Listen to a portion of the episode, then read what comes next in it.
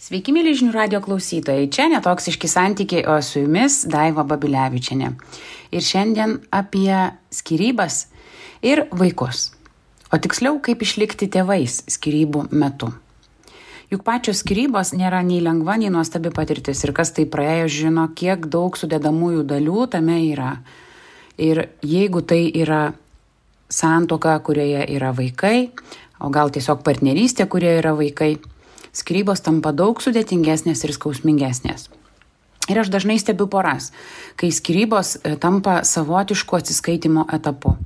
Už nuoskaudas, už nepateisintus lūkesčius, už nevatušiai praleistą laiką. Ir kai dramas kuria du suaugę žmonės, nemalonu, bet kai dramas pradeda kurti suaugę žmonės ir jie sitraukia dar ir vaikus, tai jau tampa šiek tiek apgailėtina. Aš pati esu patyrusi skirybas tuo metu, kai skiriamės, mūsų berniukams buvo 4 ir 6 metai, bet visa laimė, kad mes sugebėjom išsiskirti taip, kad e, kuo mažiau sukelti skausmo vaikams.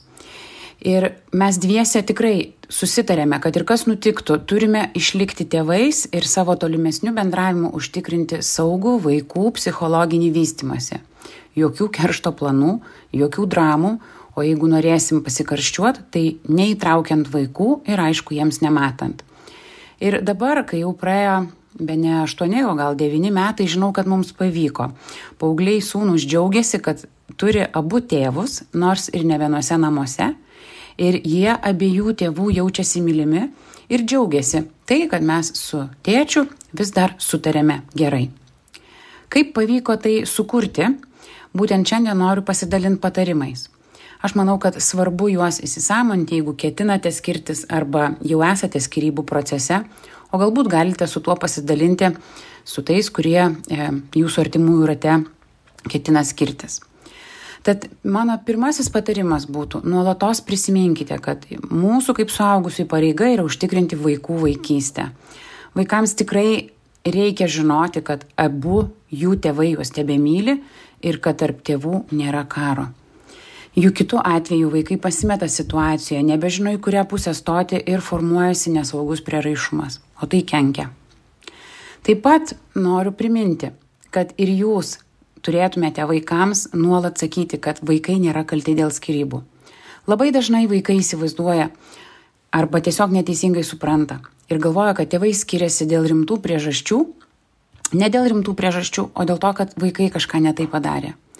Tad užtikrinkite, kad jie nėra kalti dėl skirybų, bet taip pat nesileiskite į per didelės detalės, dėl ko tos skirybos įvyko.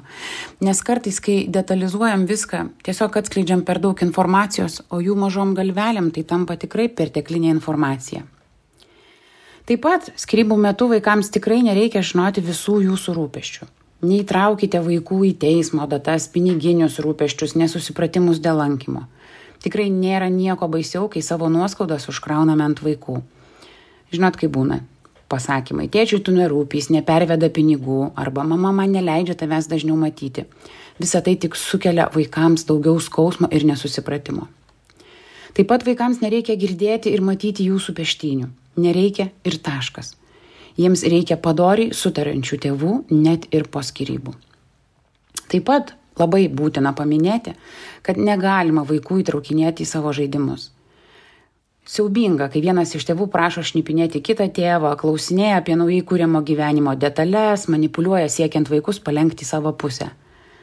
Tėvams tai reikia būti gerais tėvais savo vaikams, daugiau nieko. Na ir jokių būdų vaikai neturi būti tarpininkų tarp tėvų. Jeigu tarpusėje vien taip ir neišmokot bendrauti, reiškia reikia mokintis. Dar užtruks, kol vaikai užaugs. O ir užaugę tikėtina norės bendrauti su abiem savo tėvais. Tad perdavinėti per vaikus žinutės yra tiesiog vaikiška.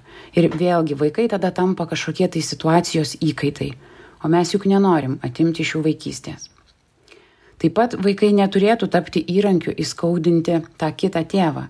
Tai tiesiog nežmoniška netveriate kerštu, norite atsiskaityti, tai tuomet geriau eikite į psichoterapiją ar kažkokias konsultacijas, neįtraukite bejėgius vaikus, kurie vėliau užaugę vis tiek verks ir pergyvens dėl to, kaip viskas buvo vaikystėje. Na ir šiukštu, nenuteikinėkite vaikų prieš kitą tėvą. net jei ir ta buvusi antra pusė yra pats blogiausias žmogus pasaulyje, jis ar ji vis tiek tebėra vaiko ištakos. Kažkada būtent su tuo žmogumi pradėjote šią gyvybę laisvą valią. Ir ateis laikas, vaikas pats pamatys, kas yra kas, ir net jei tai reikš turėti tėvystės traumą, tai vis tiek geriau nei dvi traumos kartu. Viena iš jų mano vienas iš tėvų labai blogas, o antra, kad kitas nuolat varė ant to tėvo. Vasariškai šiltų ir tinkių, tikrų santykių linkėdama Daiva Babilevičiane su netoksiškais santykiais.